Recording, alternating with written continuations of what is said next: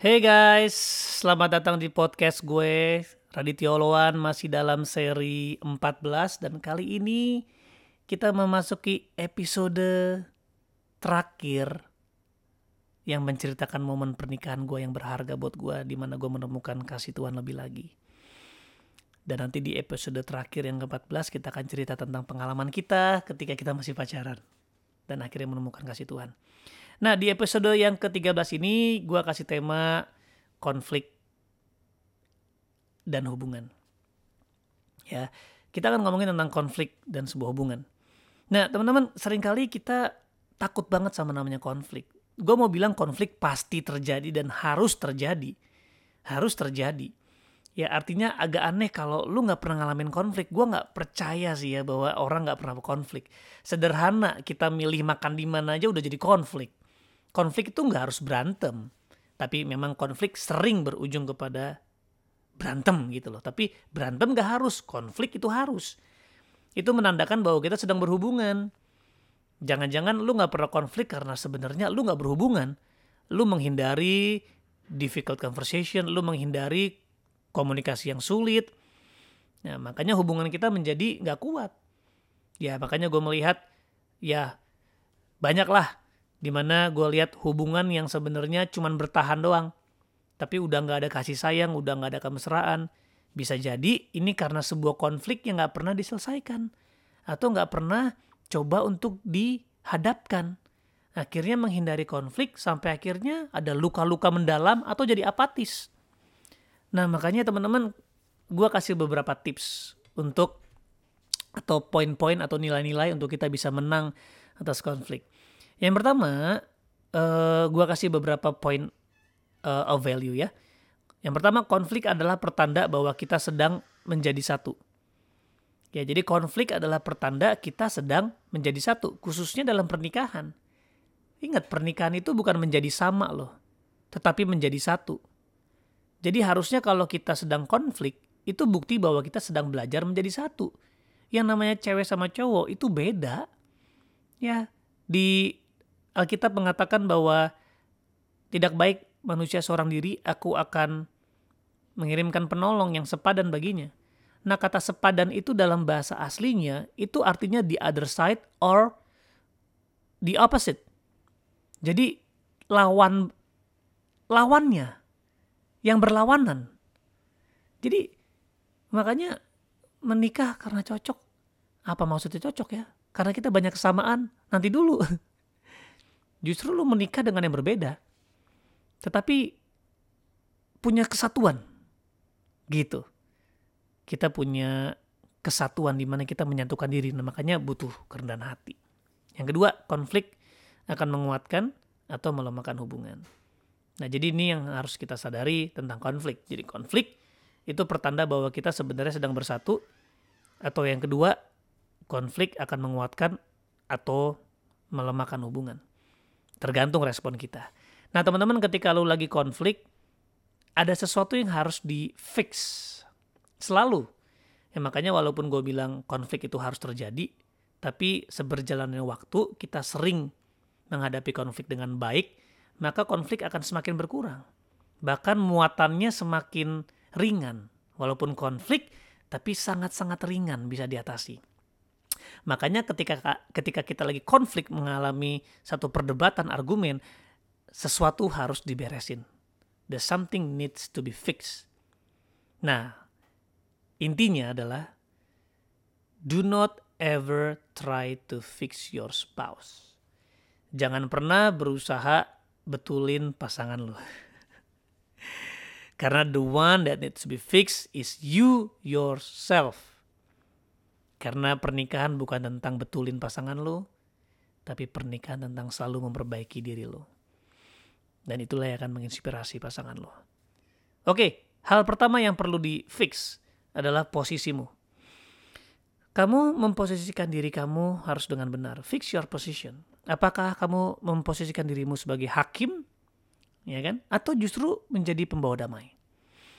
Kalau hakim dia akan menuntut, dia akan mencoba memberikan keputusan ini salah itu benar ini salah itu salah itu salah itu benar saya benar kamu salah dan sebagainya. Tapi kalau pembawa damai dia nggak mikirin siapa salah, siapa benar dulu. Tapi dia berusaha untuk, oke, okay, saya memposisikan diri untuk membawa damai. Walaupun pada akhirnya nanti kita akan belajar, ya aku jujur nggak tahu kesalahanku di mana. Karena aku merasa, aku merasa kamu salah di sini. Tetap ada, tetapi muatannya berbeda karena mereka memposisikan diri mereka sebagai partner, sebagai rekan, bukan sebagai musuh. Kalau udah posisinya salah, udah, yang lain tuh salah. Udah pasti. Kita mau apa? Kita mau fight atau kita mau surrender? Nah, kalau posisi kita adalah pembawa damai, kita akan surrender. Oke, sorry tadi aku salah karena aku terpancing sama emo emosi kamu. Tapi yuk yuk kita ngobrol yuk. Aku mau ini bisa terselesaikan terselesaikan dengan baik. Nah, posisinya udah benar, makanya akhirnya semuanya menjadi jauh lebih baik. Jadi yang pertama adalah fix your position. Apakah kamu ingin menjadi hakim atau menjadi pembawa damai? Ya ada satu ayat yang mau gue share. Ya 2 Korintus 5 ayat 19. Ya Alkitab ngomong gini, sebab Allah mendamaikan dunia dengan dirinya. Lo bayangin, Allah yang sempurna mendamaikan dirinya oleh Kristus, ya mendamaikan diri dengan kita, dengan dengan dunia, orang-orang berdosa. Bayangin, yang sempurna mau berdamai dengan yang berdosa. Yang benar mau berdamai dengan yang salah. Harusnya kan yang salah yang minta maaf ya. Ini enggak, yang benar ngejar yang salah. Dengan tidak memperhitungkan pelanggaran mereka. Gila loh. Dengan tidak memperhitungkan kesalahan kita, dia malah mati. Dia rela mati buat kita, dia yang benar, rela salah, supaya kita yang salah bisa dibenerin. Gila banget. Supaya kita yang salah jadi benar. Wow, jadi even Jesus didn't try to fix us. Tapi dia fix the relationship. Dengan cara apa? Berkorban. Makanya Yesus memposisikan dirinya sebagai pembawa damai. Wow. Dan akhirnya tanpa memperhitungkan pelanggaran. Nah, kalau lu memposisikan sebagai lawan, sebagai hakim, lu pasti ikut hitung-hitung kesalahan. Bahkan ketika walaupun lu gak salah, tapi pasangan lu terlalu bacot gitu ya. Akhirnya keluar. Tapi kan dulu kamu juga begitu. Masa aku begini doang kamu marah? Nah, makanya posisinya harus dirubah, bos. Bukan hakim, bukan lawan, tapi kawan dan pembawa damai. So, first, fix your position. Yang kedua, fix your heart. Jadi kalau lagi konflik, lu mungkin tersinggung, tersakiti, jangan ngomong dulu. Kalau lagi panas, tenang dulu. Sembuhin hatimu dulu. Karena orang yang baik itu mengeluarkan barang yang baik dari perbendaharaan hatinya yang baik. Tapi orang yang jahat mengeluarkan barang yang jahat dari perbendaharaannya yang jahat. Karena yang diucapkan mulutnya keluar atau meluap dari hati. Lukas 6 ayat 45. Jadi kalau kita punya perbendaharaan itu sudah memuat muat-muatan emosi yang datang dari kecewa sakit, udah pasti nanti keluar jadi bacot enteng atau bacot sampah. Kadang-kadang perkataannya baik, tapi karena muatan emosinya nggak baik, jadinya nyindir-nyindir. Gitu, makanya fix your heart first. Ya, sekali lagi never try to fix your spouse. Jangan mencoba untuk betulin lu punya pasangan. Ini sebenarnya berlaku sama yang lain juga. Kalau lu konflik sama orang tua, konflik sama sahabat, jangan mencoba betulin mereka. Betulin hati lu dulu. Ya, betulin posisi lu, betulin hati lu. Jaga hati lu karena above everything else, guard your heart, for it is the source of life's consequences. Ya, Salomo mengatakan, Raja Salomo, orang yang sangat berhikmat, mengatakan, jaga hati lu dengan segala kewaspadaan, karena dari situ terpancar kehidupan atau terpancar segala konsekuensi kehidupan. Itu yang kedua. Jadi kita lagi konflik, posisi harus benar, saya membawa damai, saya ingin berdamai, bukan ingin musuhan, dia bukan lawan saya. Lalu betulin hati saya dulu. Oke, saya ingin betulin hati saya. Saya mengampuni terlebih dahulu sebelum dia minta ampun. Saya ingin menerima kasih Tuhan lebih lagi. Betulin hatinya, jangan ngomong, jangan mikir. Gue senang salah satu orang mengatakan, ketika kamu lagi marah, jangan mikir, jangan ngomong. Dua-duanya berbahaya. gitu, jadi itu yang kedua, fix your heart. Yang ketiga, fix your goal Goal yang benar. Nah, goal lu apa? Ketika ingin bicara sama lawan main, ketika bicara sama pasanganmu, sama orang tuamu, siapa pun itu, goalmu apa? Yang pertama, apakah menuntut to control atau to destroy? Ya, jadi untuk menuntut, mengendalikan atau untuk meruntuhkan. Gak heran ketika kita lagi konflik, kita mengucapkan intonasi yang kasar, kita menuduh, mengungkit-ngungkit. Ya, itu kan artinya salah goal. Udah pasti datang dari hati yang salah dan posisi yang salah. Nah makanya yuk fix your goal. Apa goal lu? Apalah, apakah goal lu menuntut, mengendalikan, meruntuhkan, atau yang lain? Mengasihi, memahami, dan membangun. Karena ini goal dari konflik. Konflik itu bukan untuk kasih tahu siapa salah, siapa benar. Konflik itu untuk membuat kita memahami dan untuk membangun dia, membangun hubungan kita, dan juga untuk mengasihi. Ya, makanya Paulus pernah ngomong gini tentang sebuah konflik di satu kota Korintus. Tentang daging persembahan berhala kita tahu kita semua punya pengetahuan tentang itu. Ya, pengetahuan yang demikian membuat orang menjadi sombong. Tetapi kasih membangun. Pengetahuan itu bicara tentang ini salah, ini benar, ini kudus, enggak kudus. Ya, tapi kasih, walaupun kasih tahu mana yang salah, mana yang benar, tapi kasih goalnya adalah membangun. Ingat tadi ayatnya, Yesus dia menjadi pendamai antara Tuhan dengan kita. Dengan apa? Dengan mati di kayu salib dan tidak mengingat-ingat kesalahan dia. Tuhan aja yang maha tahu, dia tahu kesalahan gue kemarin, sekarang, besok, dia memilih untuk tidak mengingat-ingat kesalahan kita. Lah orang Tuhan aja udah gak ingat-ingat kesalahan kita, lu kenapa ingat kesalahan orang lain? Malas kan? Itu kenapa teman-teman? Yuk, kita yang ketiga fix your goal. Goalnya adalah untuk mengasihi, membangun, dan memahami. Bukan menuntut, mengendalikan, dan meruntuhkan. Ya, ada satu ayat gue mau gue tambahin. Ya, dia bilang gini. Galatia 6 ayat 1 Saudara-saudara, kalaupun seorang kedapatan melakukan suatu pelanggaran, maka kamu yang rohani, rohaninya, yang lebih dewasa rohani, yang merasa melayani Tuhan, yang merasa hidup buat Tuhan, harusnya begini.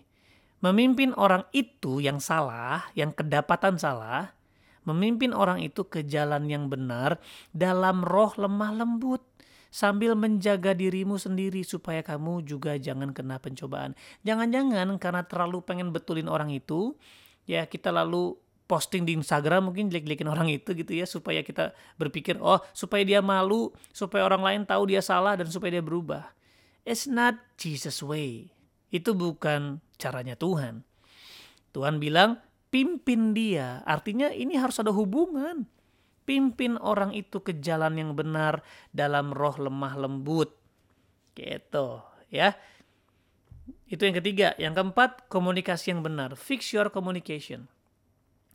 Listen first, then talk. Jadi komunikasi yang benar adalah berlombalah untuk listen first. Dan ingat ya di beberapa episode sebelumnya yang di mana gue lagi berantem sama Joanna di mobil, tahu kenapa sering banget gue berantem di mobil terus uh, eh, gue marah gue akhirnya mengakhiri conversation dengan intonasi tinggi menandakan gue kalah tapi gue nggak mau kalah. Tapi di situ Joanna meresponi dengan baik. Dia langsung dia bisa gandeng tangan gue ketika kita turun dari mobil dan kita sedang menuju ke gue sedang mau mengajar leadership di situ tentu dengan perasaan terintimidasi tapi Joanna pegang tangan dua dia pegang tangan gue sebagai bukti bahwa pertengkaran kita nggak menghalangi aku untuk mengasihi kamu. Wow. Dan pas gue tanya kenapa kamu bisa? Dia bilang gini because I truly listen to you. Artinya dengan intonasi gue yang tinggi marah-marah dia denger apa yang gak terucap. Bahwa gue butuh didengar dan beberapa hal lainnya. So listen first then talk ya Yakobus 1 ayat 19. Hai saudara-saudara yang kukasihi, ingatlah hal ini setiap orang hendaklah cepat untuk mendengar tetapi lambat untuk berkata-kata. Ya bahkan Salomo bilang orang bebal itu nggak suka kepada pengertian, hanya suka membeberkan isi hatinya. Anak kecil sukanya ngebeberin isi hati. Tetapi orang dewasa dia bukan membeberkan atau mengekspresikan, tapi dia menjelaskan isi hatinya. Wow, Yuk jadi orang dewasa yuk yang memiliki goal untuk memiliki komunikasi yang benar. Dan yang terakhir ya, tadi yang pertama apa? Fix your position, yang kedua fix your heart, yang ketiga fix your goal, yang keempat fix your communication, yang terakhir adalah fix your action. Segala sesuatu yang kamu kehendaki supaya orang perbuat kepadamu, perbuatlah demikian juga kepada mereka. Itulah isi seluruh hukum Taurat dan kitab para nabi. Ini yang namanya golden rules ya dunia juga mengajarkan apa pun yang lu mau orang lain lakukan buat lu lu lakuin terlebih dahulu jadi kalau lagi konflik lu sebenarnya harus tahu sebenarnya apa sih yang apa sih yang dia suka apa sih yang dia inginkan lalu lu berikan itu berikan kepada dia sebagai bukti lu menghormati dia.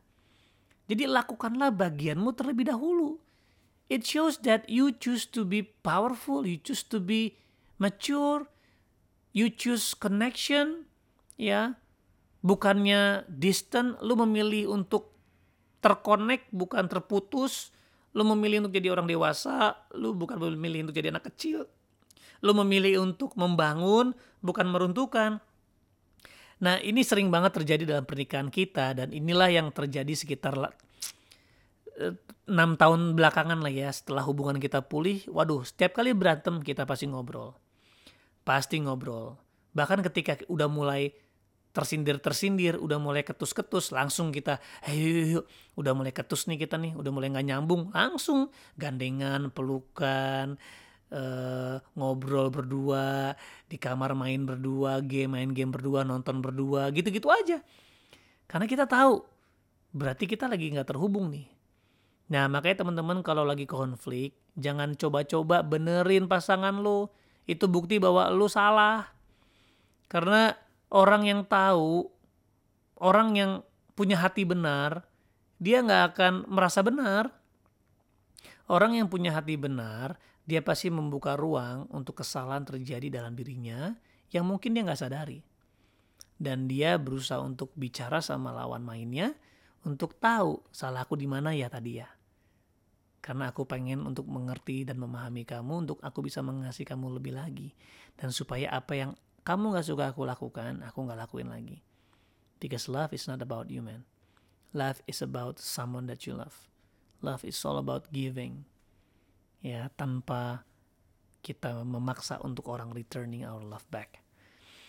So, semoga ini bisa membantu 5 tips that need to be fixed. Ya, fix principle, fix your position, fix your heart, fix your goal, fix your communication, and fix your actions. God bless you guys.